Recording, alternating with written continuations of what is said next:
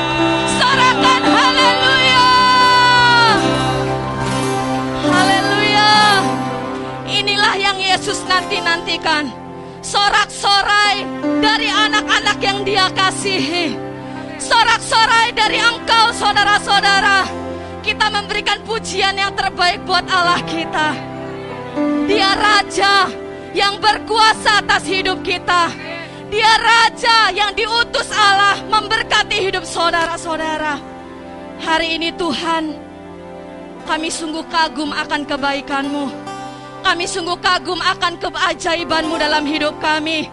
Kami mau berkata, hidup kami tidak biasa-biasa saja. Hidup kami luar biasa di dalam Engkau. Hidup kami luar biasa di dalam Kristus. Hidup kami luar biasa di dalam Engkau, Tuhan. Karena keselamatan yang Tuhan berikan tidak akan pernah sia-sia. Kami mau pegang erat dalam hidup kami. Dan hari ini kami mau bergerak kami mau bertindak, memuji, membesarkan namamu dengan sungguh-sungguh. Dengan api roh dari Allah. Dengan roh yang daripada Yesus mengalir melimpah bagi setiap kami. Kami percaya kehadiran Tuhan nyata bagi setiap kami. Terimalah segala pujian dan hormat serta sorak-sorai dari kami Tuhan. Amen. Kasih Yesus, terima kasih yang siap memuliakan nama Tuhan. Kita mau sama-sama katakan. Amin, amin, amin. Berikan sorak-sorai yang terdahsyat dulu buat Tuhan Yesus. Haleluya. Saudara boleh duduk dalam hadirat Tuhan. Saya percaya kita semua punya Tuhan yang ajaib.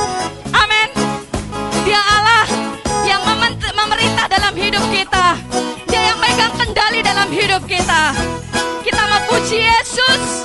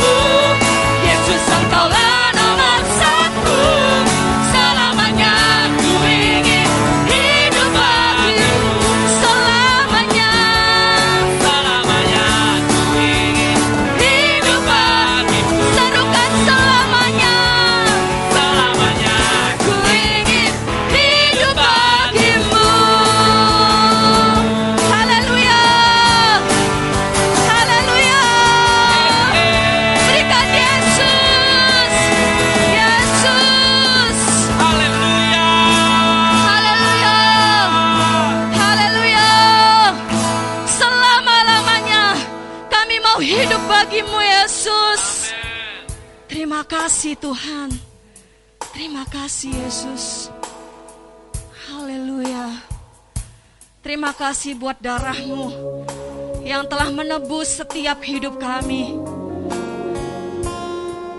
Tidak ada alasan membuat kami berhenti dan kecewa kepada Engkau ya Tuhan. Karena hidup kami menjadi berharga setelah Engkau menebus hidup kami.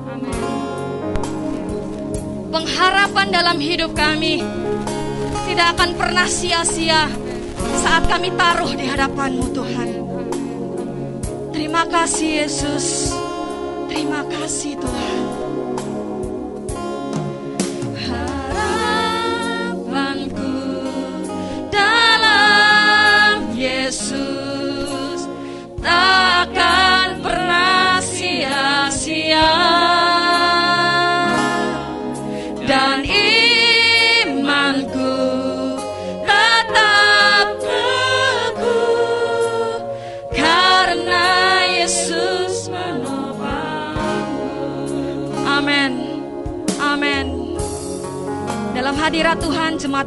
kembali. Kami percaya tidak ada yang mustahil bagi Yesus. Kita mau sama-sama katakan, ku percaya. percaya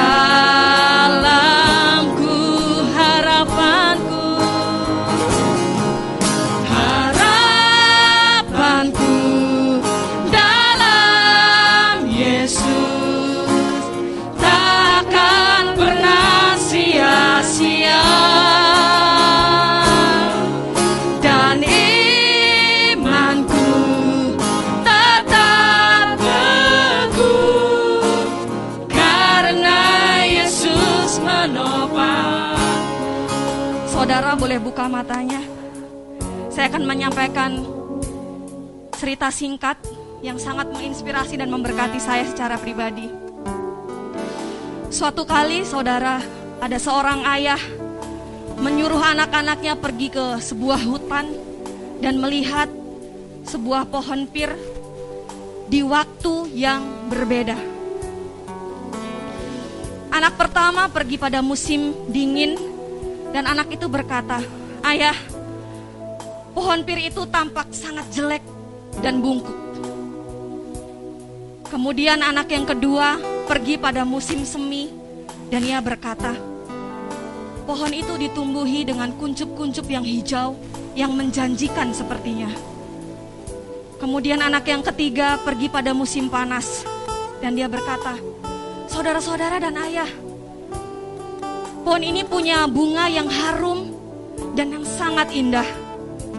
Kemudian anak yang terakhir pergi pada musim gugur. Dan ia berkata, saya tidak setuju dengan saudara-saudara yang lain. Karena pohon itu memiliki buah yang sangat matang dan siap dipanen. Kemudian ayah itu berkata, anak-anakku, kalian semua tidak ada yang salah, kalian benar. Hanya saja kalian melihat di waktu yang berbeda.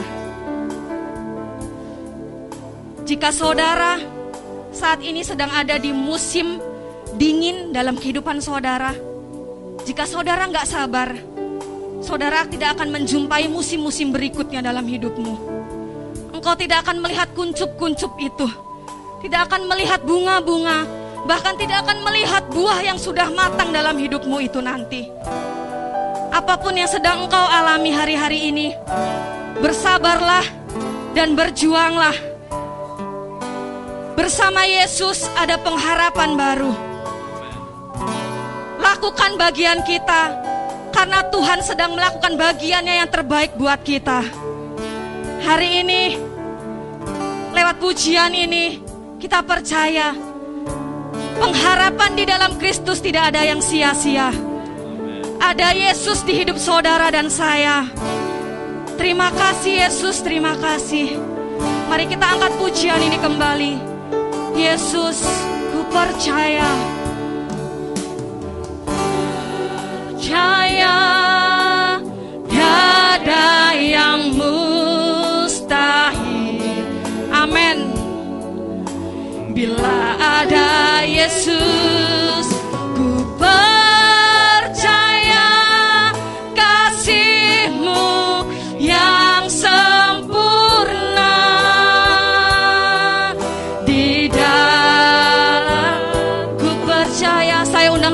bangkit berdiri.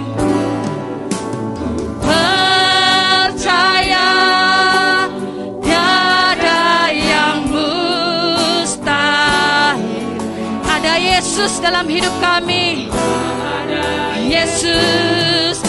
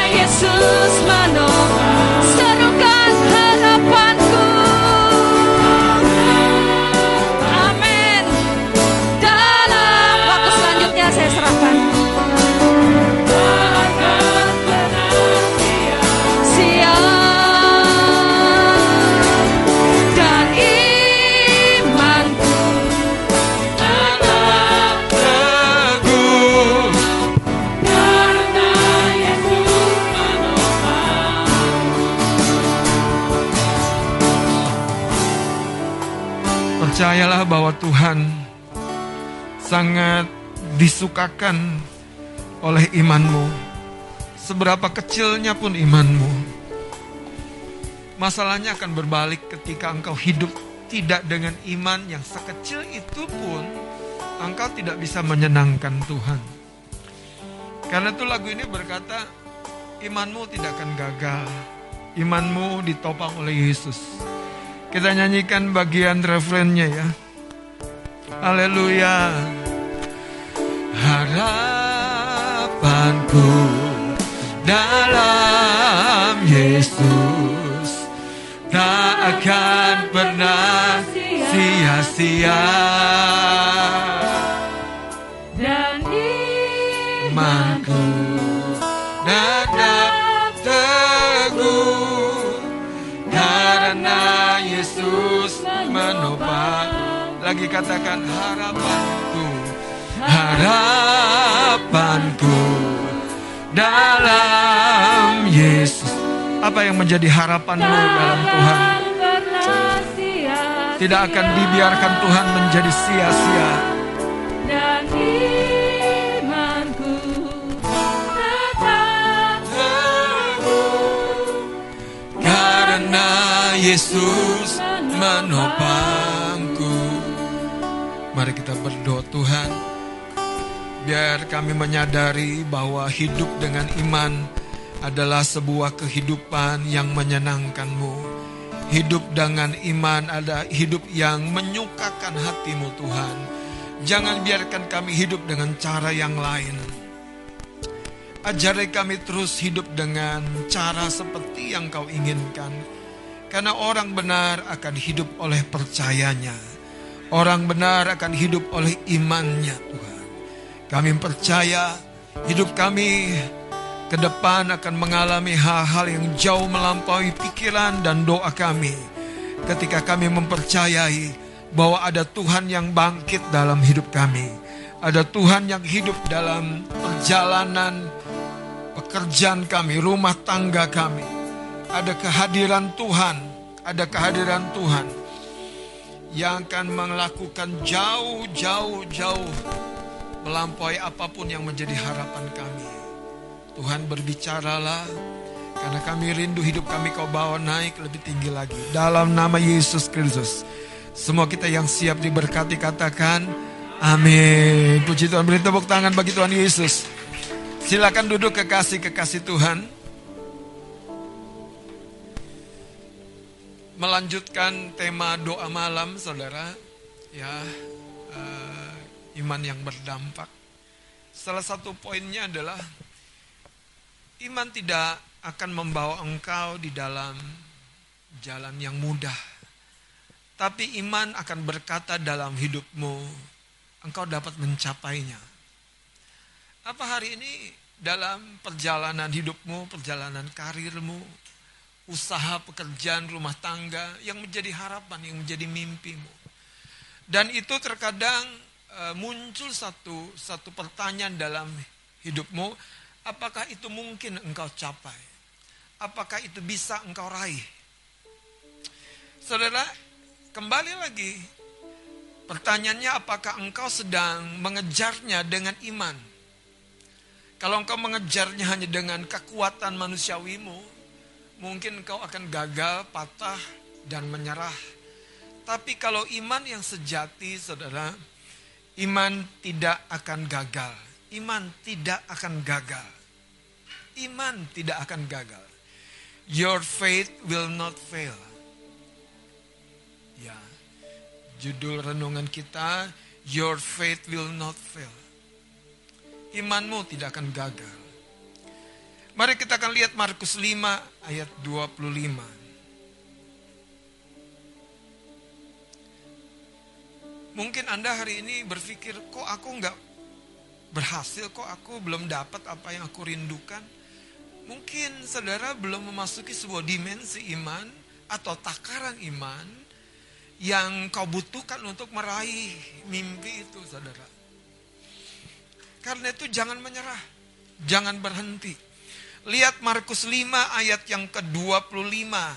Mari kita akan bangkit berdiri, kita akan baca berganti-gantian saya ayat yang ke-25. Bapak Ibu Saudara yang di rumah juga bangkit berdiri, membaca ayat yang 26 bergantian sampai ayat 29. Saya akan mulai. Markus 5 ayat 25 adalah di situ seorang perempuan yang sudah 12 tahun lamanya menderita pendarahan.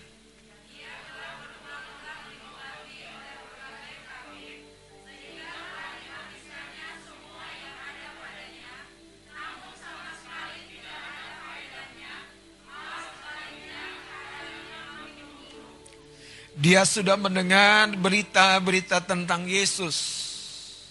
Maka di tengah-tengah orang banyak itu, ia mendekati Yesus dari belakang dan menjamah jubahnya.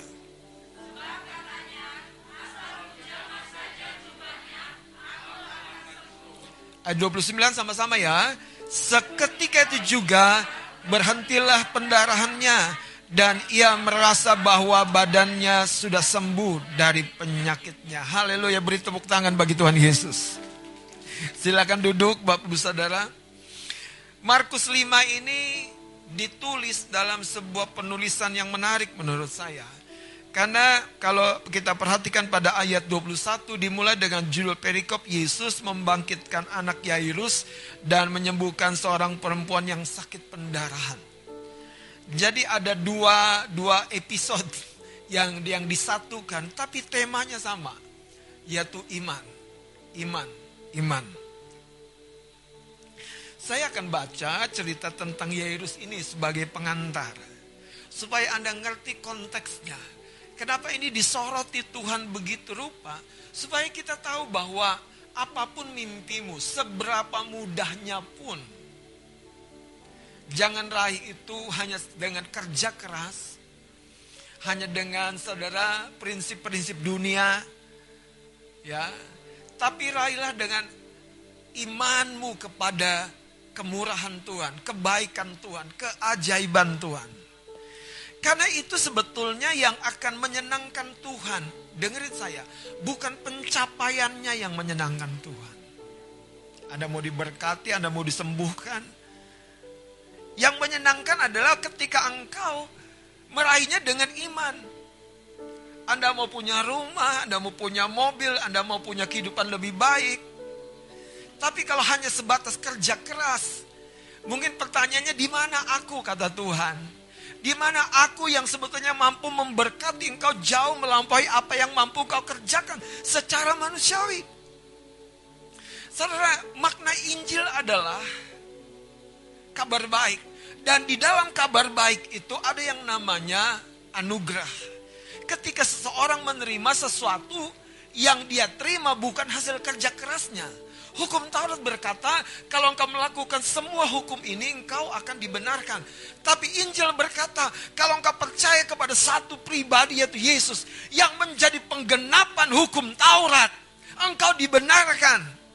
Kalau engkau percaya kepada satu pribadi itu yang menjadi penggenapan hukum Taurat, engkau dibenarkan di hadapan Allah. Dan ketika engkau dibenarkan di hadapan Allah, Alkitab yang berkata, berkat yang dijanjikan kepada Abraham, yang Alkitab mencatat, ia diberkati dalam segala sesuatu. Itu juga menjadi bagianmu, saudara. Haleluya. Karena itu gereja Tuhan, ayo Jangan sepelekan pertumbuhan imanmu. Jangan telantarkan prosesnya. Jangan telantarkan prosesnya. Saya ulangi dan ulangi terus. Anda perlu mendengar khotbah hari Minggu, bahkan Minggu malam, Senin pagi, Senin sore, sementara di perjalanan. Dan ketika itu saudara seperti Anda menikmati sebuah berkat. Sampai ke dalam relung hatimu yang paling dalam. Sampai ke dalam pikiran dan renunganmu, jiwamu, perasaanmu. Alkitab berkata, ketika pikiranmu dan hatimu menyatu. Anda menjadi sesuatu yang tidak terhentikan oleh apa pun di muka bumi ini.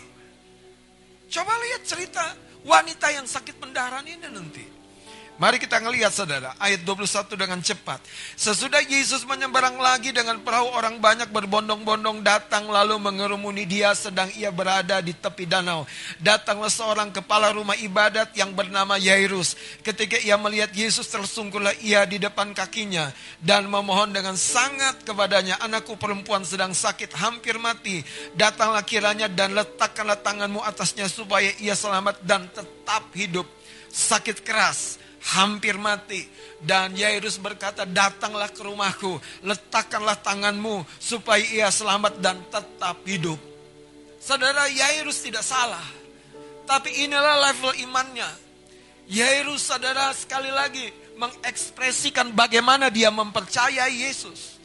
Tapi dalam cerita ini ada satu pribadi yang lain yang mengekspresikan imannya dalam sebuah perspektif dalam sebuah sudut pandang yang berbeda.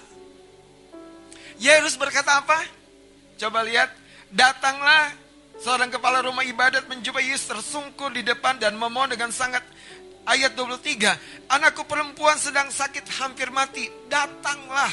Kiranya letakkanlah tanganmu atasnya supaya ia selamat dan tetap hidup. Lalu Yesus, lalu pergilah Yesus dengan orang itu Yesus merespon dengan bagus ya. Lalu pergilah Yesus padahal dia lagi ada di pinggir danau. Dia lagi ada di pinggir danau. Dia lagi ada di sebuah perhentian. Tapi seorang yang bernama Yairus, seorang kepala rumah ibadat dengan sebuah kondisi yang sangat-sangat emergency. Anda pernah ngalamin ini enggak? Aduh, udah gak tahu lagi deh bagaimana. Udah sakit perut, sakit kepala, sakit pinggang, apalagi? Karena stresnya tingkat dewa.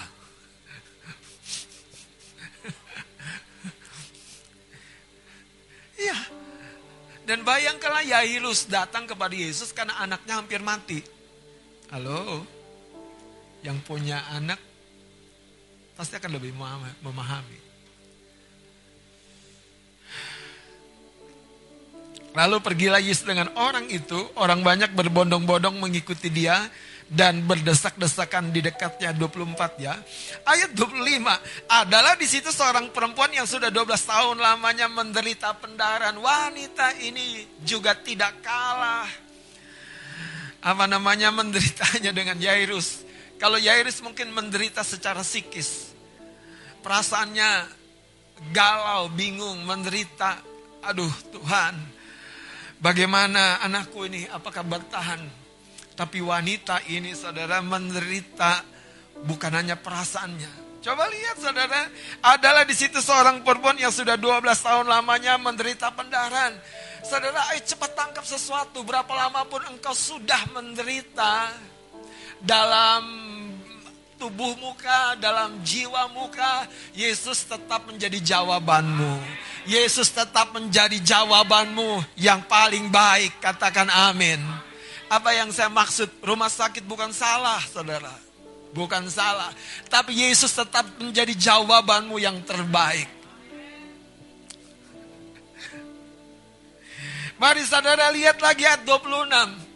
Saya kalau baca ini ada, ada sesuatu yang makin saudara apa ya ber, bergejolak di hati saya. Karena ini bukan sebuah catatan kosong. Ini sebuah catatan story dari kisah nyata. Ada seorang wanita yang 12 tahun, 12 tahun saudara, bukan 12 hari. Bukan 12 jam. Anda pernah sakit perut 12 jam?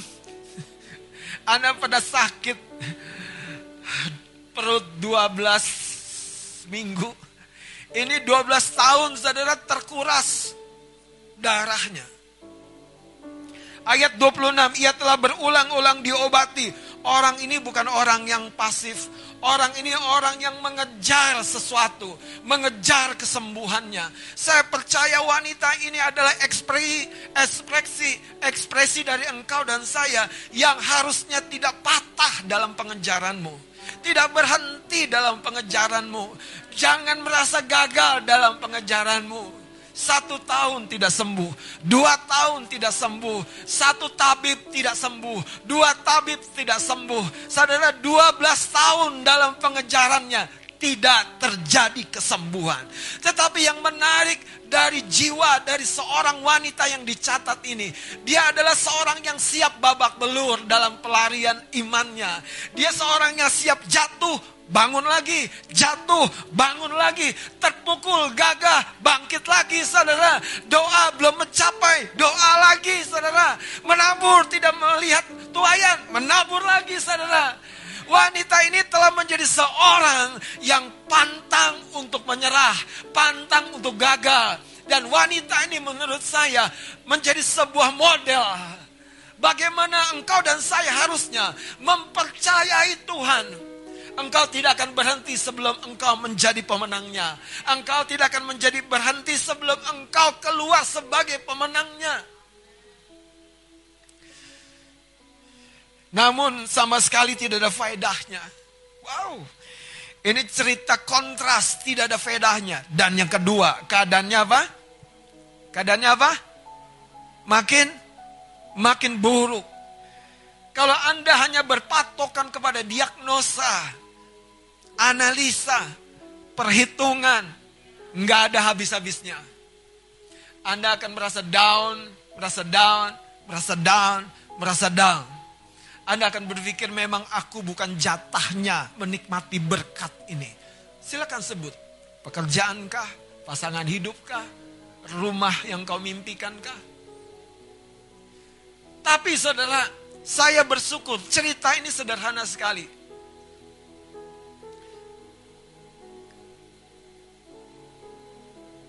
Dia tidak menyerah. Dia bangkit lagi. 12 tahun bukan mudah. 12 tahun bukan mudah. Lihat saudara ayat 27-nya. Dia sudah mendengar berita-berita tentang Yesus. Maka di tengah-tengah orang banyak itu yang mendekati Yesus dari belakang dan menjamah jubahnya. Sebab katanya asal ku jamah saja jubahnya. Sebab katanya Asal ku jamah saja jubahnya, aku akan sembuh. Saudara menurut saya, wanita ini adalah seorang yang depresi sekali. 12 tahun tidak sembuh. Tapi yang menarik saudara, di tengah depresinya itu, effortnya, upayanya itu gak ada habisnya. Hartanya habis dia makin lemah. Tapi apa ya? Kegigihan di dalam jiwanya itu yang menarik. Ini yang saya mau katakan saudara. Iman tidak berkata jalanmu akan mudah. Tapi iman berkata engkau akan dapat mencapainya. Iman tidak berkata jalanmu akan selalu mudah. Akan selalu ada tangan terulur. Akan selalu musimmu baik. Iman tidak berkata seperti itu. Tapi iman berkata, ketika engkau terus maju, engkau akan mencapai tujuanmu.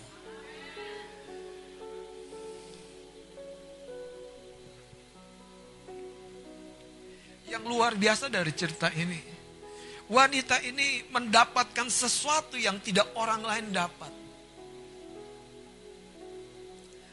Anda paham? Orang lain seperti Yairus mengundang Yesus, meletakkan tangannya, mendoakan anaknya. Orang lain saudara menunggu-nunggu dengan kesabaran-kesabaran yang menurut saya kadangkala bukan kesabaran yang sepatutnya mereka tunjukkan kepada Yesus yang sudah siap sedia menolong. Saya cuma mau berkata begini saudara. Iman itu akan membooster Anda. Iman harusnya membooster Anda. Iman membuat pengharapan Anda naik lagi, bangkit lagi. Anda mungkin gagal, gagal, dan gagal, dan gagal, dan gagal. Tapi Anda mempercayai, aku akan sampai di tujuanku. Itu iman. Karena itu hati-hati saudara. Jangan mengukur imanmu terlalu cepat seolah-olah engkau tidak punya iman. Dengerin saya. Ketika engkau berjuang, ketika engkau berupaya, tetapkan hatimu, tetapkan dan yakinkan hatimu. Tuhan yang bersama dengan aku akan membawa aku sampai di tujuanku.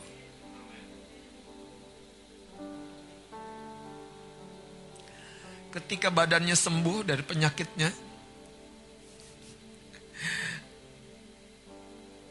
coba ya lihat Yesus dalam natural manusiawinya. Ayat 30 bagian akhir, dia bertanya saudara. Ini pribadi yang ilahi ini bertanya, siapa yang menjamah jubahku? Apakah dia maha tahu? Tapi kenapa dia tanya siapa yang menjamah jubahku? Apakah dia maha tahu? Pada sisi manusianya, Yesus tidak maha tahu. Tidak, saudara. Kecuali yang diberitahu oleh Bapaknya. Lihat cerita ini, dia bertanya siapa yang menjamah jubahku? Murid-muridnya menjawab, engkau melihat bagaimana orang-orang ini berdesak-desakan dekatmu.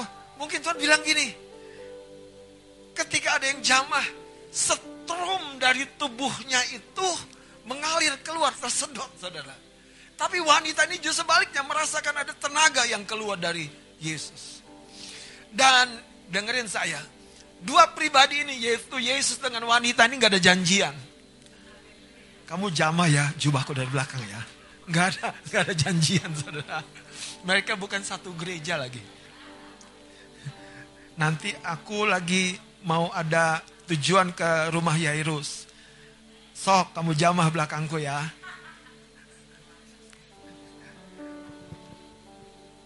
Coba bayangkan saudara cerita ini.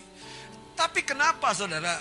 Dari sekian banyak orang yang desak-desak nempel Yesus. Makanya Anda jangan pernah remehkan imanmu.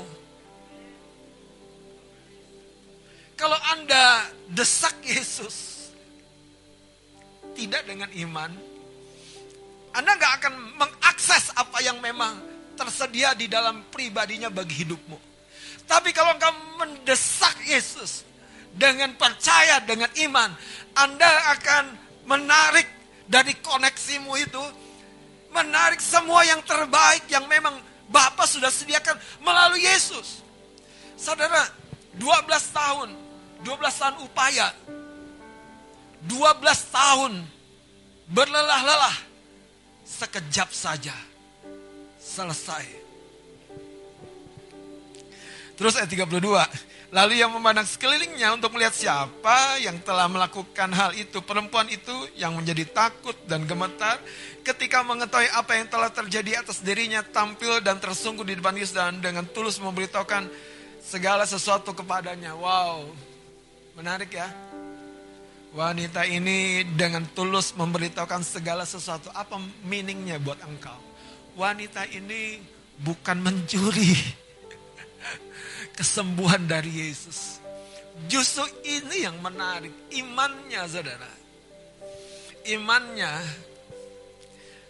itu betul-betul terkonek dengan Yesus. Ayat 34, maka katanya kepada perempuan itu, Hai anakku, imanmu telah menyelamatkan engkau. Pergilah dengan selamat dan sembuhlah dari penyakitmu. Kekasih-kekasih Tuhan, your faith will not fail imanmu tidak mungkin gagal, tidak akan gagal. Masalahnya berapa banyak kita sungguh-sungguh hidup dengan iman, saudara. Lihat Roma pasal yang pertama ayat 16 dan 17. Saya berdoa renungan sederhana ini membangkitkan kembali imanmu. Jangan letakkan imanmu, aku udah capek doa. Aku udah capek begini begitu. Aku udah capek mempercayai Tuhan. Saudara dengar, di ujungnya akan ada orang-orang yang lebih belakangan percaya daripadamu. Tapi dia justru memegang teguh dalam masa krisis ini untuk mempercayai Tuhan mampu membela menopang hidupnya. Mungkin engkau akan melihat orang itu mengalami banyak hal dari Tuhan. Sementara engkau gigit jari. Masalahnya sederhana. Karena kau melepaskan imanmu. Saudara, Ibrani Roma pasal yang pertama ayat 16 dan 17. Tolong seorang baca. Mas Adit boleh baca. Dan Roma 1 ayat 16 sampai Iya. 17. Sebab aku mempunyai keyakinan yang kokoh dalam Injil. Nah Paulus sebagai seorang yang mengalami, mengalami saudara. Makanya kalau ada seorang bersaksi saudara. Kalau seorang menceritakan bagaimana dia mengalami. Seberapa dalam dia mengalami, seberapa dalam itulah dia akan menyampaikannya. Coba apa yang dikatakan Paulus terus. Karena Injil adalah kekuatan Allah Paulus berkata Injil adalah kekuatan Allah terus. yang menyelamatkan setiap orang yang percaya. Pertama-tama orang Yahudi, tetapi juga orang Yunani. Sebab di dalamnya nyata kebenaran Allah yang bertolak dari iman dan memimpin kepada iman. Ya, Seperti ada tertulis, orang benar. akan hidup oleh iman. Apakah Anda orang benar? Amin. Jangan hidup dengan nafasmu doang. Jangan hidup dengan mie ayammu doang. Gak ada mie ayam ya. mie rebus. Enak om, enak. Apalagi kalau om yang masak, enak pasti. Saudara, orang benar akan hidup apa? Oleh iman. Jadi Tuhan ingin saudara dari semua pencapaian hidup kita, engkau mencapainya dengan iman, dengan percaya. Kenapa? Karena itu yang membuat Tuhan disenangkan. Dia tidak tidak terlalu happy. Dengerin saya, dia tidak terlalu happy dengan semua semua semua pencapaianmu. Secara daging, secara manusiawi. Engkau sehat, engkau baik, engkau diberkati. Tapi tidak ada impactnya, nggak ada dampaknya. Dan kau hanya bercerita tentang berlelah-lelah, berlelah-lelah. Makanya 12 tahun berlelah-lelah. Hanya satu sentuhan. Hanya satu tubrukan. Wanita ini mengalami sebuah pemulihan total. Saya berdoa gereja kita akan mengalaminya pada waktu-waktu ini. Karena engkau dan saya tidak melepaskan imanmu. Seperti wanita ini 12 tahun. Terus, terus, terus. Mungkin kau akan berkata begini, Om, aku udah gagal yang kesekian kali. Saudara, siapa yang tidak pernah gagal? Mari kita saksikan kegagalan kita. Mari kita bukukan dan catatkan kegagalan kita. Siapa yang paling merintih? Siapa yang paling menderita? Siapa yang paling melo? Kanani harusnya bersaksi. Waduh. Waktu Eyang mendampingi di rumah sakit Fatmawati, tidak ada harapan lagi. Tidak ada harapan lagi. Oh, Alfa apalagi, haleluya. Alfa sudah mengalami kebangkitan kan? Ya kan, Kaboy makan. Lazarus, waduh bangkit ya. Makanya Alfa cocok sekali kau. Tokoh yang dibangkitkan.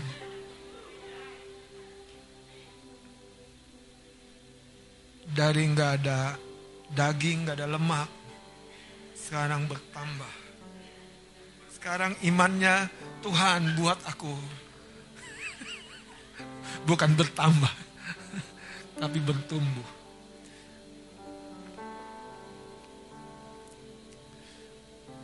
Teman-teman coba cerita deh, kalau hari ini engkau ada di sini itu sebuah keajaiban loh. Coba kasih tahu kanan kirinya, engkau ada di tempat ini karena sebuah keajaiban. Bang Juanda, colek sebelah kananmu itu. Haleluya. Kenapa? Karena 12 tahun wanita sakit pendarahan itu keajaiban. Yang pertama adalah dia tidak menyerah. Kasih tahu kanan kirimu, keajaibanmu adalah engkau tidak menyerah. Engkau tidak menyerah. Seperti aku tidak menyerah. Seperti aku tidak menyerah. Tepuk tangan bagi Tuhan Yesus. Haleluya.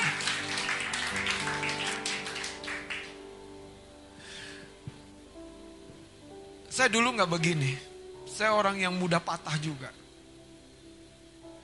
Tapi ya kalau diha karena dihajar kanan kiri, dihajar lagi, dihajar lagi, dihajar lagi, dihajar lagi. Sampai pada suatu kesimpulan, ayo hajar lagi, ayo, ayo hajar lagi.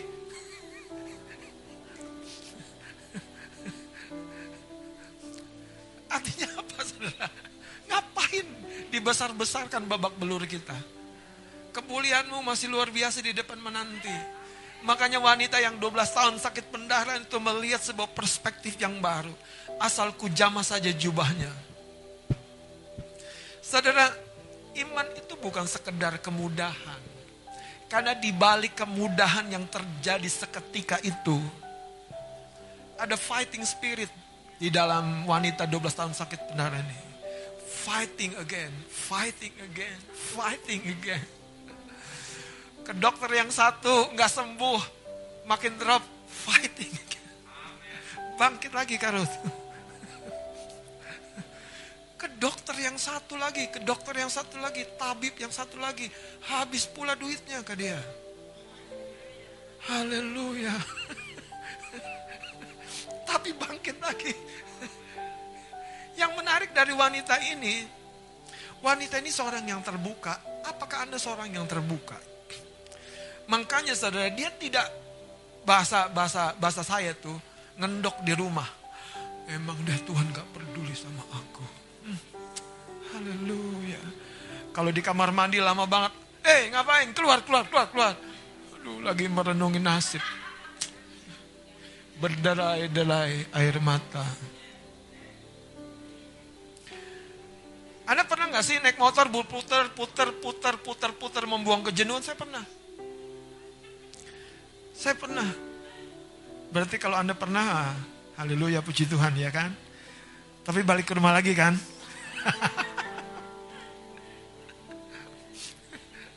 Apa sih maksudnya, saudara?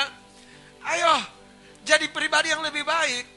Maka engkau akan menampung, saudara, satu dimensi kapasitas iman yang memang Tuhan sudah sediakan dalam perjalanan pertandinganmu. Pertempuran imanmu itu belum selesai sampai kau jadi pemenangnya. Pertempuran imanmu dalam keuangan, dalam rumah tangga, dalam masa depan, itu belum selesai sampai engkau keluar jadi pemenangnya. Katakan, yes aku pemenangnya. Yes aku pemenangnya. Haleluya. Saudara, yang kedua, wanita ini selain terbuka, selain penuh pengharapan, dia seorang yang agresif. Anda seorang yang agresif nggak? Apa Anda Kristen gerobak? Kalau mau bergerak selalu dicek. Ada olinya nggak? Kalau nggak ada olinya, gerobak tuh berat banget ditariknya, didorong. Anda, Anda seperti apa? Jadi ini yang saya maksud. Tuhan tuh menunggu kita mengejar dia. Makanya wanita ini saudara, di tengah orang banyak yang berdesak-desakan. Coba bayangkan saudara adegan itu. Di tengah-tengah orang banyak yang sedang berdesak-desakan. Dia mendekati Yesus. Dia dia dia dia menyeruak di barisan orang yang banyak itu. Dan dan ada satu satu keyakinan kemarin di doa malam saudara saya berkata gini, iman akan memunculkan satu sensasi dalam dirimu. Iya jalan belum terbuka. Iya langkahku masih berat sekali. Tapi di dalam dirimu ada satu gelora. Aku pasti sampai. Aku pasti bisa. Aku pasti mendapatkannya. Itu iman saudara. Iman bukan menuntun kau di jalan yang mudah. Tapi iman memberikan kepastian dalam harapanmu. Engkau pasti bisa. Engkau pasti mencapainya. Makanya iman tidak akan gagal. Imanmu tidak akan gagal.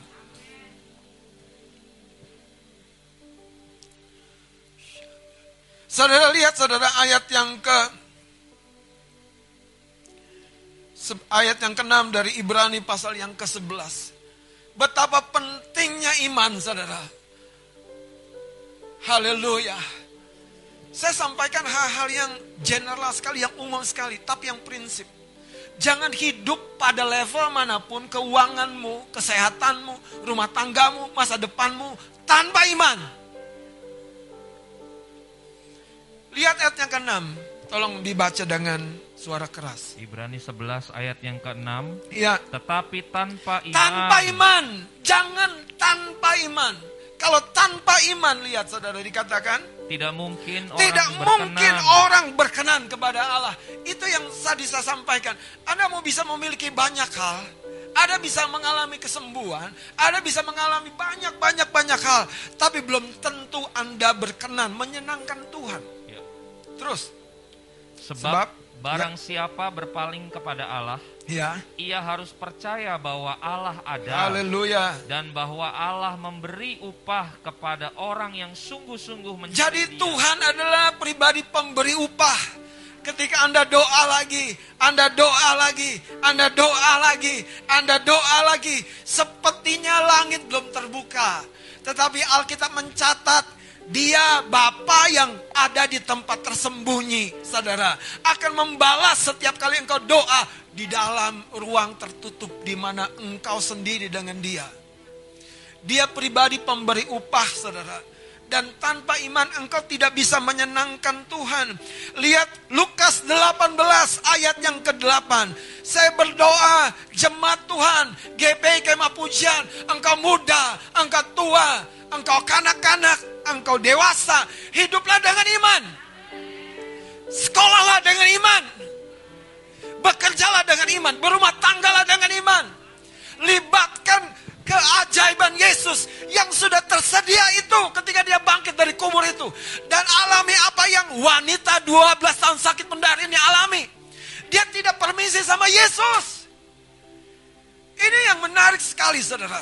Ada banyak orang Kristen terlalu maaf, terlalu itu masih terlalu bagus kata-kata. Terlalu naif. Seolah-olah Tuhan tidak peduli. Dia tidak bisa dihampiri dengan emosimu. Dia bisa dihampiri oleh percayamu. Apa yang saya maksud emosi? Kita sadar kalau nggak mencapai itu suka galau, suka bingung. Keep fighting saudara. Terus fighting. Wanita 12 tahun ini imannya tidak menjadi gagal. Lihat saudara ayat yang ke-8, tolong masa dibaca lagi. Lukas 18 Iya. ayat yang ke-8, aku berkata Aku berkata, ini Yesus berkata. ia akan segera membenarkan mereka Ya Tuhan di surga akan segera atau cepat-cepat membenarkan mereka. akan tetapi Ya. jika anak manusia itu datang Atau ketika Yesus datang, terus adakah ia mendapati iman di bumi ada iman yang membuat Anda bertahan. Ada iman yang membuat Anda bergerak, mengejar. Ada iman yang membuat Anda berjuang. Ada iman yang membuat Anda berkorban. Ada iman juga seperti wanita 12 tahun ini yang mendapatkan saudara. Itu iman semuanya. Hari ini mungkin dengan saya. Iman Anda membuat Anda bertahan. Iman Anda membuat Anda bergerak. Jangan berhenti kasih ya. Musimnya akan tiba. Anda akan mendapatkannya. Anda akan mendapatkannya. Saudara jenis kehidupan seperti apa yang kau mimpikan? Mimpikan dengan percayamu.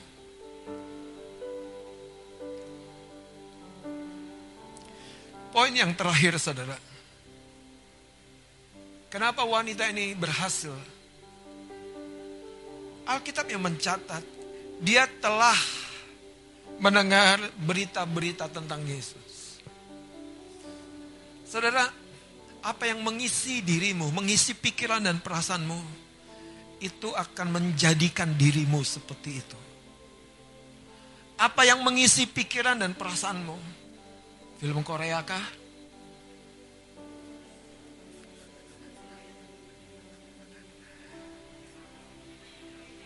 Film maaf, film FTV kah? Sehingga Anda bisa nangis bombay, melo nggak karuan. Anda protes kepada sutradara, kok begitu endingnya? Eh, anda tahu nggak sih Tuhan itu sutradara yang elegan. Dengerin saya. Tuhan itu sutradara yang elegan. Apa yang saya maksud? Yang 12 tahun fighting, berjuang, lagi berjuang, lagi berjuang. Pada ujungnya dia menerima upah dari kesungguhan dan kegigihan hatinya.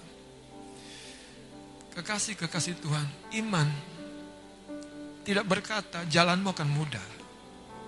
Tapi iman berkata, engkau akan dapat, engkau akan memperoleh, engkau akan menerimanya.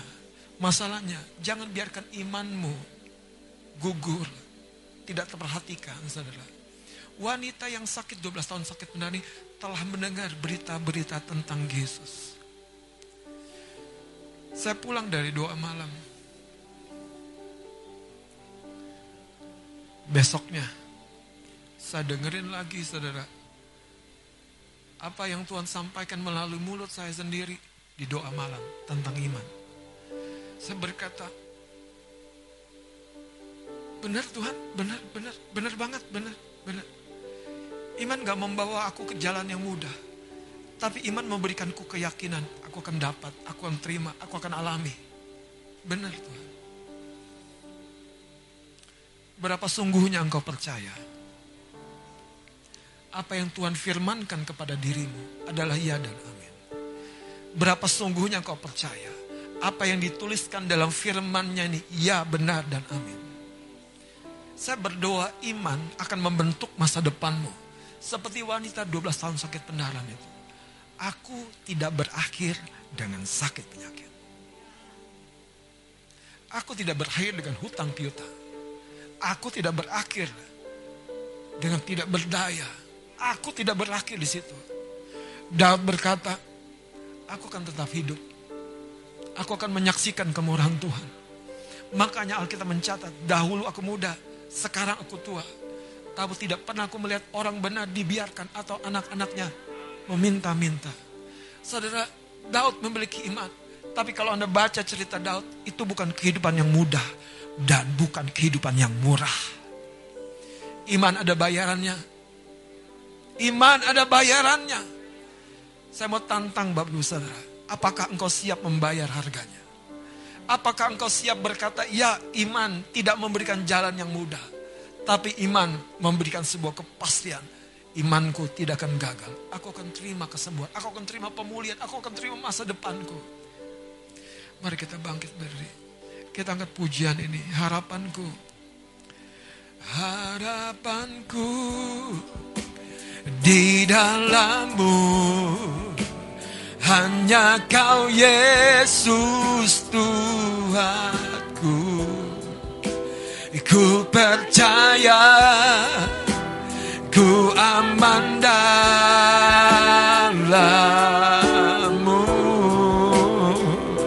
Lagi katakan harapanku Harapanku Di dalammu.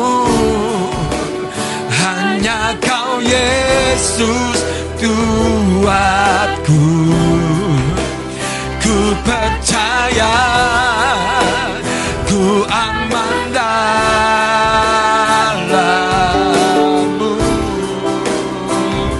Nyanyikan pujian ini dari awal. Kasihmu Karyamu Nyata dalam. Saudara tiap-tiap musim Musim seperti apa pun dia menyertai engkau untuk bertahan. Dia menyertai engkau untuk berjuang. Dia menyertai engkau untuk keep fighting. Tapi tiba waktunya imanmu akan membawa engkau menerima, akan membawa engkau mengalami, akan membawa engkau mengalami tubuhnya dan darahnya lebih dari cukup diberikan bagi engkau. kuasa. Sa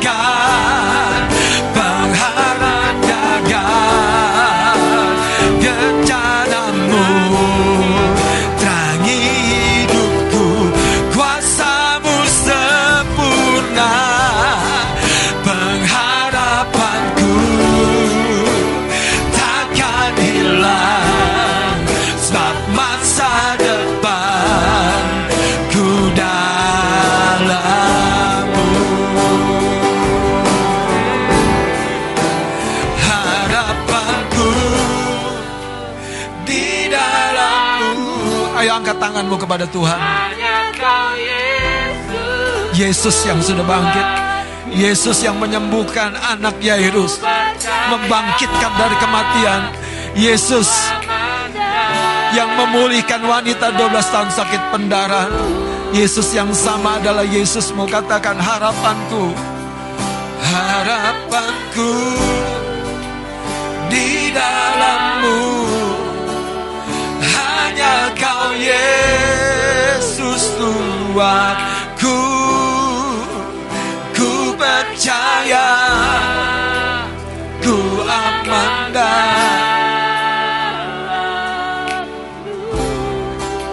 Kekasih-kekasih Tuhan, boleh buka mata sebentar. Satu hari,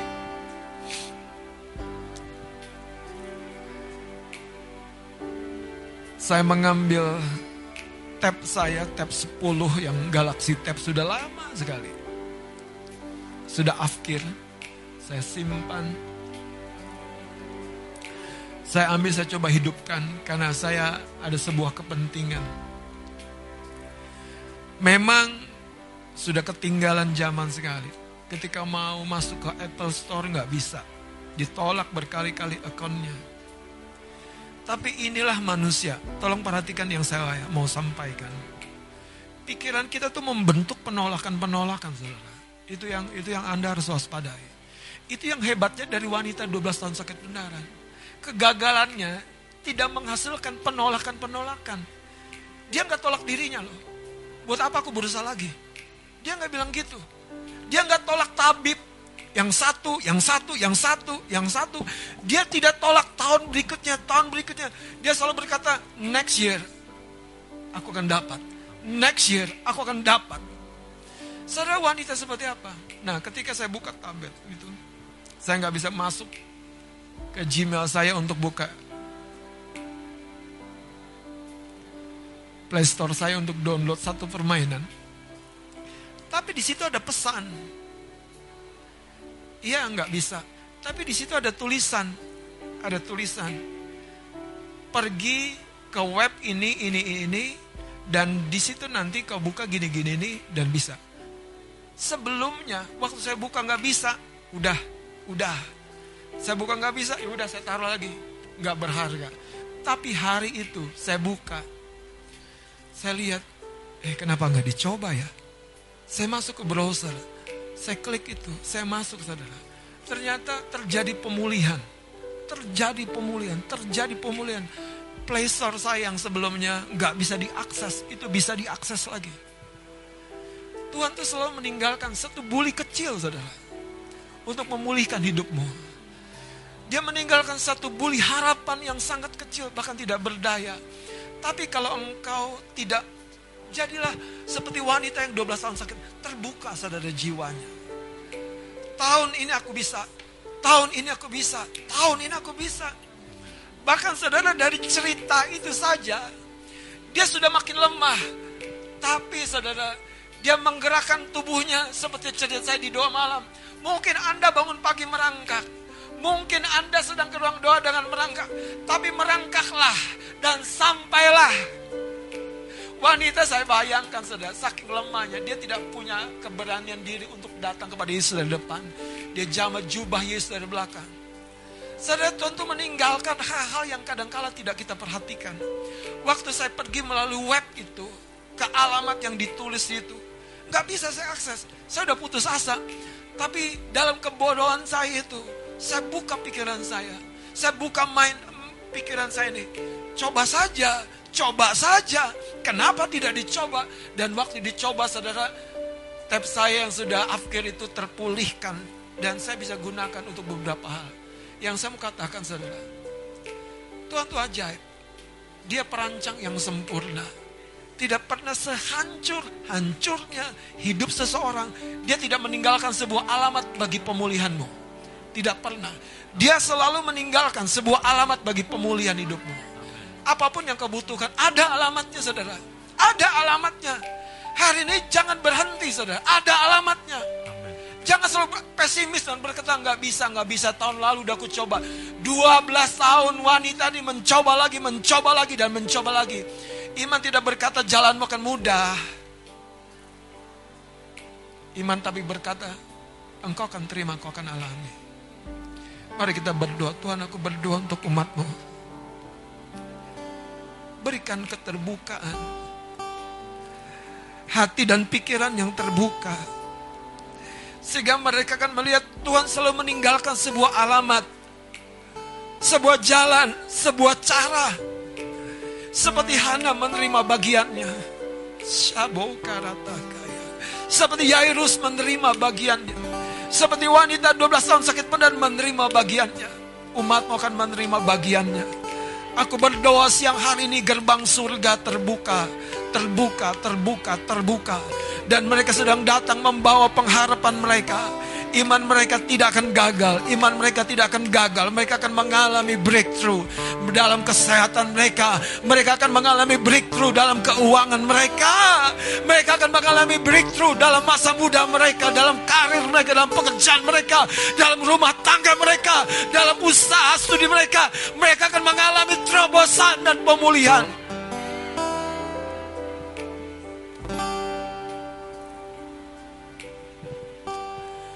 Pengharapanku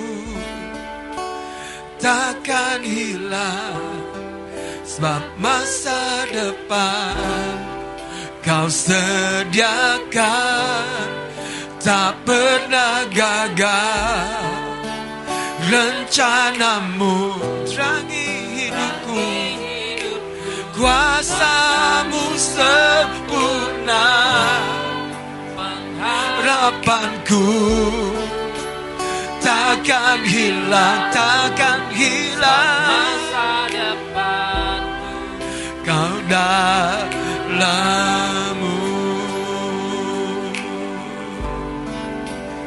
Shekarala batakorina labokore bashekin. Mari berdoa, mari menyembah. Kinana mosandera la baba baba. Kiara Kiarase karalaba baba yanamo sande naniara. Kiarase karelebete kinena masande nalama korobo.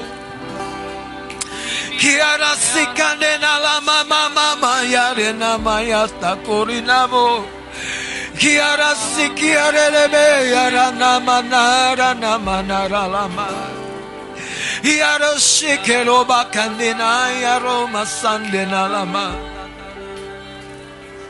Perkataanku bagi pelayanku Januar Kristiani. Ketika engkau terus bertanding, berjuang dalam imanmu. Ada waktu-waktu di mana sepertinya kau membentur tembok-tembok, gagal, patah, dan tidak ada hasil. Tapi hari ini aku sedang berbicara ke dalam lubuk hatimu yang paling dalam. Bukankah aku yang menaruhkan benih itu? You will sign you will grow.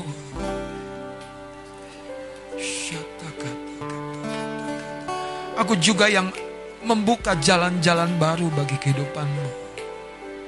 Sehingga kau akan melihat langkahmu yang terbatas bukan alasan untuk engkau berhenti. Teruslah bergerak, teruslah berjuang, maka engkau akan menemukan musim-musim yang sesungguhnya aku sudah sediakan Demikian aku menguatkan engkau. Anakku Woro yang aku kasihi. Aku juga mengenal hatimu. Aku tahu kasih yang kau tunjukkan kepada aku Bapamu. Ada waktu-waktu di mana engkau bertanya, kenapa hidupku seperti demikian? Tapi hari ini aku juga berbicara lurus ke hatimu. Anakku, Aku sedang mengajari engkau untuk menggunakan imanmu yang selama ini kau gunakan. Jangan berhenti, jangan menyerah. Karena engkau kubangkitkan untuk menjadi tiang penopang di keluargamu.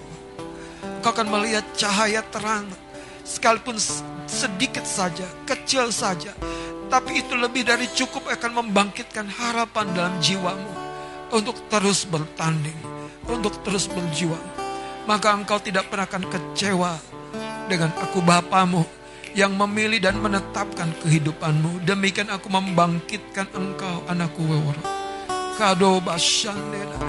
Korita lo basandena la ikata. Raste keneni kanala mama. Rakata kariala basekenenai. Rakotoko boshikeda.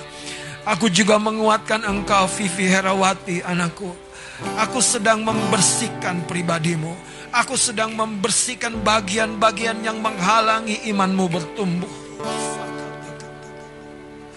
Ya, aku mengizinkan beberapa kesulitan. Ya, aku mengizinkan. Sehingga engkau tahu untuk terus merendahkan diri dan percaya kepada perkataanku yang akan nyata pada waktunya. Anakku, engkau pilihanku. Anakku, engkau kekasihku. Aku tidak mungkin lari dari penderitaanmu. Namun ketika engkau membiarkan mesbah-mesbahmu kering, engkau akan menjadi kecewa sendiri. Itu sebabnya hari ini aku meneguhkan, menguatkan engkau. Teruslah bertanding, teruslah berjuang.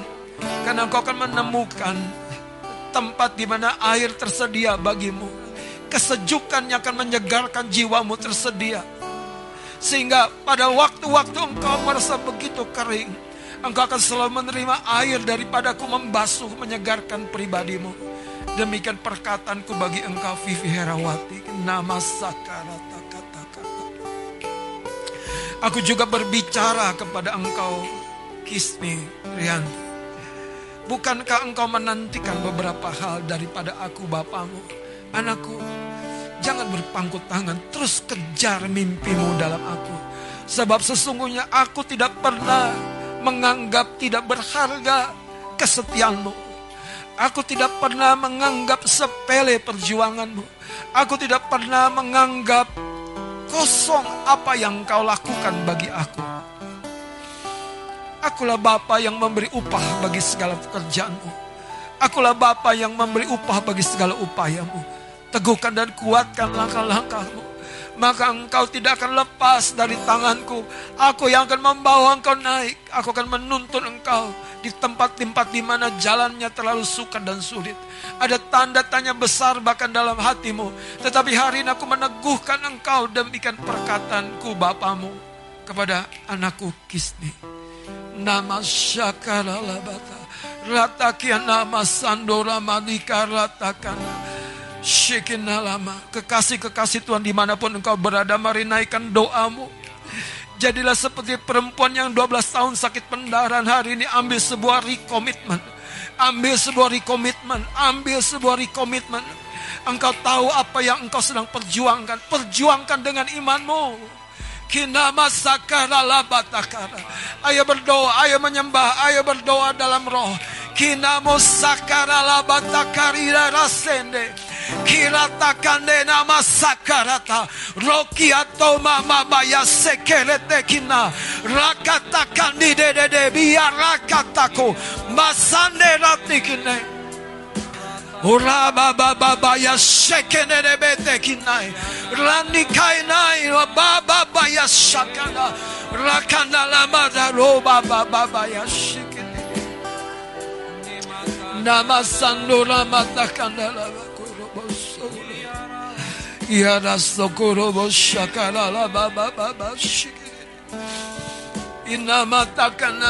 Mari angkat hatimu, angkat imanmu, angkat kepada Tuhan nama sandara.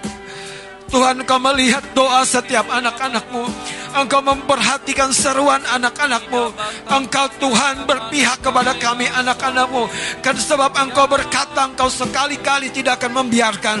Engkau sekali-kali tidak akan membiarkan, tapi engkau akan bersegera membela, menolong, dan yang kau cari, yang kau inginkan, ada iman di dalam hati setiap anak-anakmu.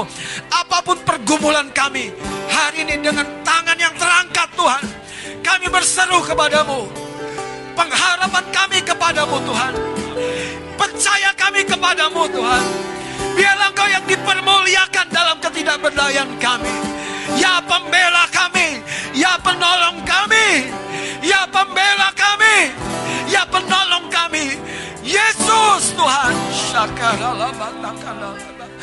Rasakarala batakanala madakaralaba Ya rasikarala Ya ratakanala baba ya shakaralaba Ya rasakaralaba ya sokorobo yarasi kete kete rinai rando mikaro. Rakota kida rosika landi dadia ya kakara daba shikinalaba Ya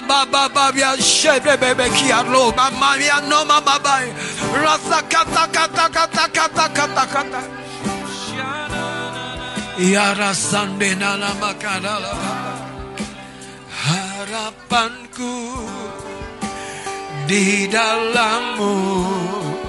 Ayo taruh tangan kananmu di hatimu. Tuhanmu Ku percaya Ku aman dalammu. Lagi katakan Taruh tangan kananmu di hatimu Harapanku Di dalammu. Hanya kau Yesus kuatku. Ku percaya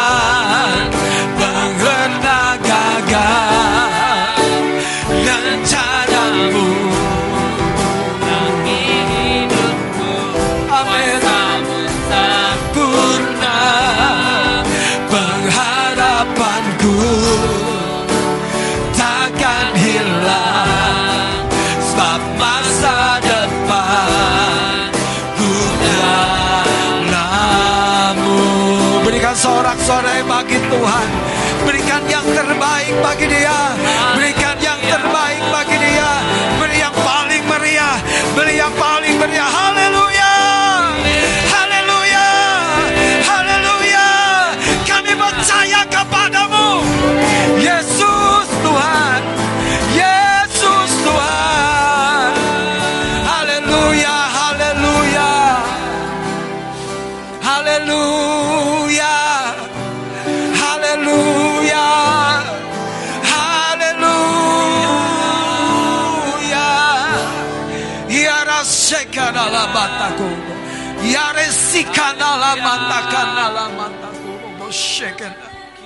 Terima kasih Yesus.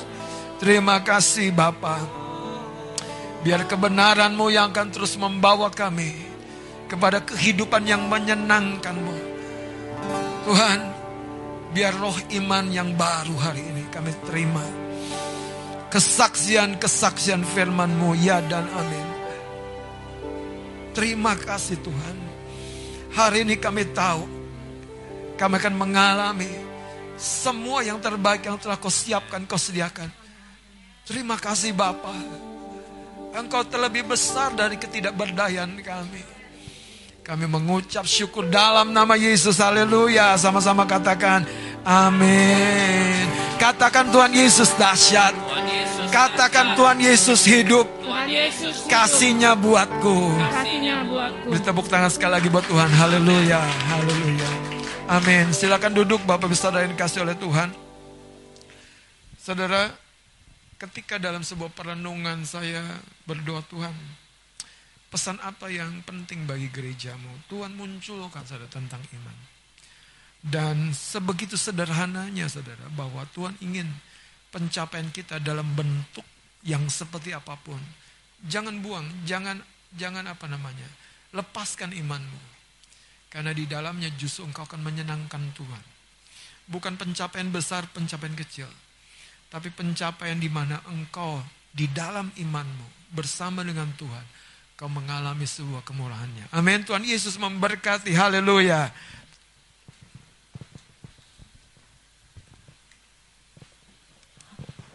Haleluya. Percaya saudara, iman kita tidak pernah gagal dalam Tuhan. firman Tuhan yang sangat menguatkan kita. Terima kasih Bapak Gembala. Dan hari ini saudara kita akan bersama-sama mendengarkan pengumuman untuk uh, kegiatan gereja kita selama seminggu ini. Pada hari Jumat tanggal 3 September 2021 akan diadakan persekutuan doa Yud pukul 7 malam via online uh, online via Zoom jadi bagi setiap anak-anak muda, mari persiapkan diri engkau untuk mengikuti persekutuan doa pada hari Jumat nanti jam 7 malam. Baik, puji nama Tuhan. Uh, dan kita akan bersama-sama mempersiapkan persembahan kita yang terbaik buat Tuhan. Bagi setiap jemaat Tuhan yang beribadah dari rumah, boleh persembahan ditransfer ke rekening yang ada di layar atau dititipkan kepada sekretariat GPI Kemah Pujian. Baik Bapak Ibu Saudara, kita akan bersama-sama mempersiapkan persembahan kita yang terbaik buat Tuhan dan kita akan bersama-sama berdoa. Bapak yang di sorga, hari ini kami datang menyembah Engkau selain membawa iman dan pengharapan kami, kami membawa persembahan kami di hadapan-Mu. Berkat yang telah Engkau berikan bagi setiap kehidupan kami, kami kembalikan hari ini Tuhan. Engkau yang melihat setiap tangan-tangan yang memberikan dengan sukacita, kami percaya Tuhan Yesus bekerja luar biasa atas hidup kami. Tuhan yang memberkati pekerjaan para umatmu, Tuhan memberkati para pelayan Tuhan yang mengelola maupun mengedarkan. Hikmat marifat berkat terkhusus engkau nyatakan bagi mereka. Terima kasih Bapak, terima kasih. Kami mau memberikan persembahan kami dengan sukacita. Hanya di dalam nama Tuhan Yesus kami telah berdoa. Amin. Sambil kita memberikan persembahan, kita akan angkat pujian Tuhan kita yang memerintah.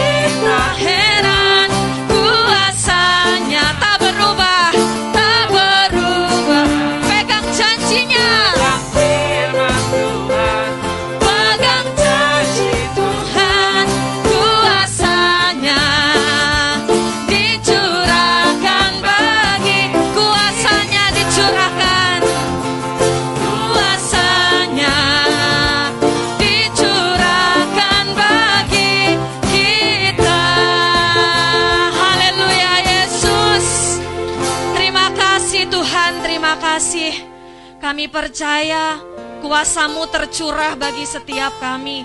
Kami bersyukur di akhir ibadah kami hari ini, kami mendapat kekuatan yang baru, yang luar biasa memberkati kami. Firmanmu itu ya dan amin. Iman kami tidak akan pernah gagal di dalam Engkau. Pengharapan kami tidak akan pernah sia-sia. Kami tidak akan berhenti. Kami akan melangkah bergerak bersama Yesus. Kami percaya Tuhan rancanganmu indah pada waktunya. Hari ini Tuhan kami bersatu hati bersama-sama berdoa Tuhan. Kami mengangkat tinggi tangan kami. Kami berdoa untuk keluarga besar GPI Kemah Pujian. Jemaat yang engkau kasihi. Terima kasih buat penyediaan dan penyertaan Tuhan yang ajaib bagi kami. Tuhan, hari-hari kami mungkin berbeda. Kami Tuhan merasakan Tuhan, mungkin Tuhan penghasilan kami berkurang. Dagangan kami Tuhan sepi. Penghasilan kami berkurang tetapi kami percaya, kami imani sama. Pemeliharaan Tuhan ajaib atas hidup kami. Engkau tidak akan pernah membiarkan kami sendiri maupun terjatuh. Kami akan terus pegang teguh iman kami. Kami akan menang Tuhan bersama Engkau. Diberkatilah pekerjaan umatmu Tuhan. Diberkatilah keluarga umatmu Tuhan. Diberkatilah setiap jalan-jalan dan rencana umatmu. Tergenapi sesuai dengan iman kami. Terima kasih Yesus, terima kasih. Dan kami bersyukur Tuhan, kami berdoa buat anak-anak kami secara khusus Tuhan. Mungkin Tuhan secara mata dunia kami bingung Tuhan. Tetapi lewat keadaan ini kami percaya dan berharapan kepada Yesus. Anak-anak kami akan tetap menjadi anak yang berprestasi di sekolahnya. Kepintaran mereka akan terus bertambah. Iman mereka akan terus bertambah. Pengenalan akan Kristus ditambahkan dalam hidup anak-anak kami. Terima kasih Bapak, terima kasih. Kami juga berdoa Tuhan hari ini untuk bangsa kami Tuhan Indonesia. Terima kasih, terima kasih buat setiap penyertaan Tuhan buat seluruh Tuhan bangsa kami. Terima kasih buat daerah yang kami tempati. Terima kasih buat kabar-kabar baik yang kami dengar. Tak henti-hentinya kami bersyukur atas penyertaan Tuhan untuk bangsa kami.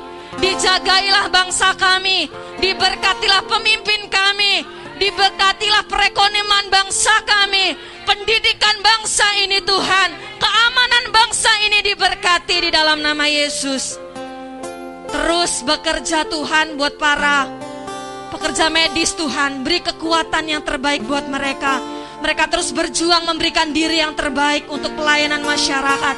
Tuhan yang beri kekuatan dan kesehatan. Terima kasih. Dan hari ini Tuhan kami teringat untuk tempat kami Tuhan di mana kami beribadah hari ini. Untuk geraha kencana Tuhan. Terima kasih buat hari ini sampai hari ini kami masih bisa beribadah di tempat ini. Kami mengangkat tinggi tangan kami memberkati orang yang telah memberikan kami berkat lewat tempat ini. Kami berdoa untuk Ibu Rini sekeluarga Tuhan. Berkat ilahi tercurah atas keluarganya. Tuhan memberkati Wakeni di dalam nama Yesus. Apa yang sedang dialalui Wakeni hari-hari ini. Kami percaya ada kuasamu memberkati pemimpinmu Ibu Rini. Dan juga seluruh karyawan bahkan anak-anakmu yang bekerja di tempat ini. Engkau nyatakan kasihmu, penyertaanmu bagi setiap mereka. Tuhan memberkati Tuhan tempat ini. Dan juga sekretariat. Dua tempat ini akan saling bersinergi. Akan menghasilkan jiwa-jiwa yang berbuah di dalam engkau Tuhan. Terima kasih Yesus, terima kasih. Dan kami juga berdoa Tuhan untuk pemimpin kami yang kami kasihi. Bapak Ibu Gembala kami, berkat terkhusus engkau nyatakan kesehatan yang sempurna engkau nyatakan. Setiap jalan-jalannya ada Yesus bersamanya. Setiap pekerjaan tangannya diberkati berlimpah di dalam nama Yesus. Terima kasih Bapak, terima kasih. Dan di akhir ibadah kami hari ini, kami bersyukur, kami percaya sepanjang minggu ke depan Allah tetap sama memberkati hidup kami, memberkati setiap jalan-jalan hidup kami. Terima kasih Bapak, terima kasih. Dan di akhir ibadah kami hari ini kami akan sama-sama terima berkat yang terbaik dari Engkau melalui Bapak Gembala. Mari angkat kedua belah tangan kita kepada Tuhan. Angkat, angkat dengan percaya. arahkan kepada dia yang di surga dan yang hadir di tempat ini. Bapa kepadamu kami mengangkat tangan menghormati engkau. Ya Allah yang mulia, Bapa yang besar, Raja segala Raja. Hari ini kami tahu Tuhan, Engkau tidak akan membuat dan membiarkan kami. Penyertaanmu ajaib dalam setiap langkah-langkah kami. Kalau demikian kekasih-kekasih Tuhan, angkatlah tinggi dan terimalah berkat. Kasih karunia dari Allah dan Bapa di dalam surga. Kemurahannya, pancaran sinar dari wajahnya. Diarahkan, dinyatakan dalam setiap langkah-langkahmu Engkau tidak akan pernah dibiarkan merasa sendiri. Karena kasihnya terlalu hebat. Dan kiranya kasih sayang, pengorbanan Tuhan Yesus menopang menguatkan imanmu, cinta kasihnya mengokohkan dan persekutuan Roh Kudus. Hikmatnya akan membawa engkau makin sempurna. Berkenan sebagai mempelai surgawi bagi dia Terimalah berkat yang sempurna dan besar berlimpah-limpah ini. Di dalam nama Yesus Kristus Tuhan. Haleluya. Semua kita yang diberkati percaya katakan amin, amin, amin. Tuhan memberkati. Selamat hari Minggu Tuhan Yesus memberkati.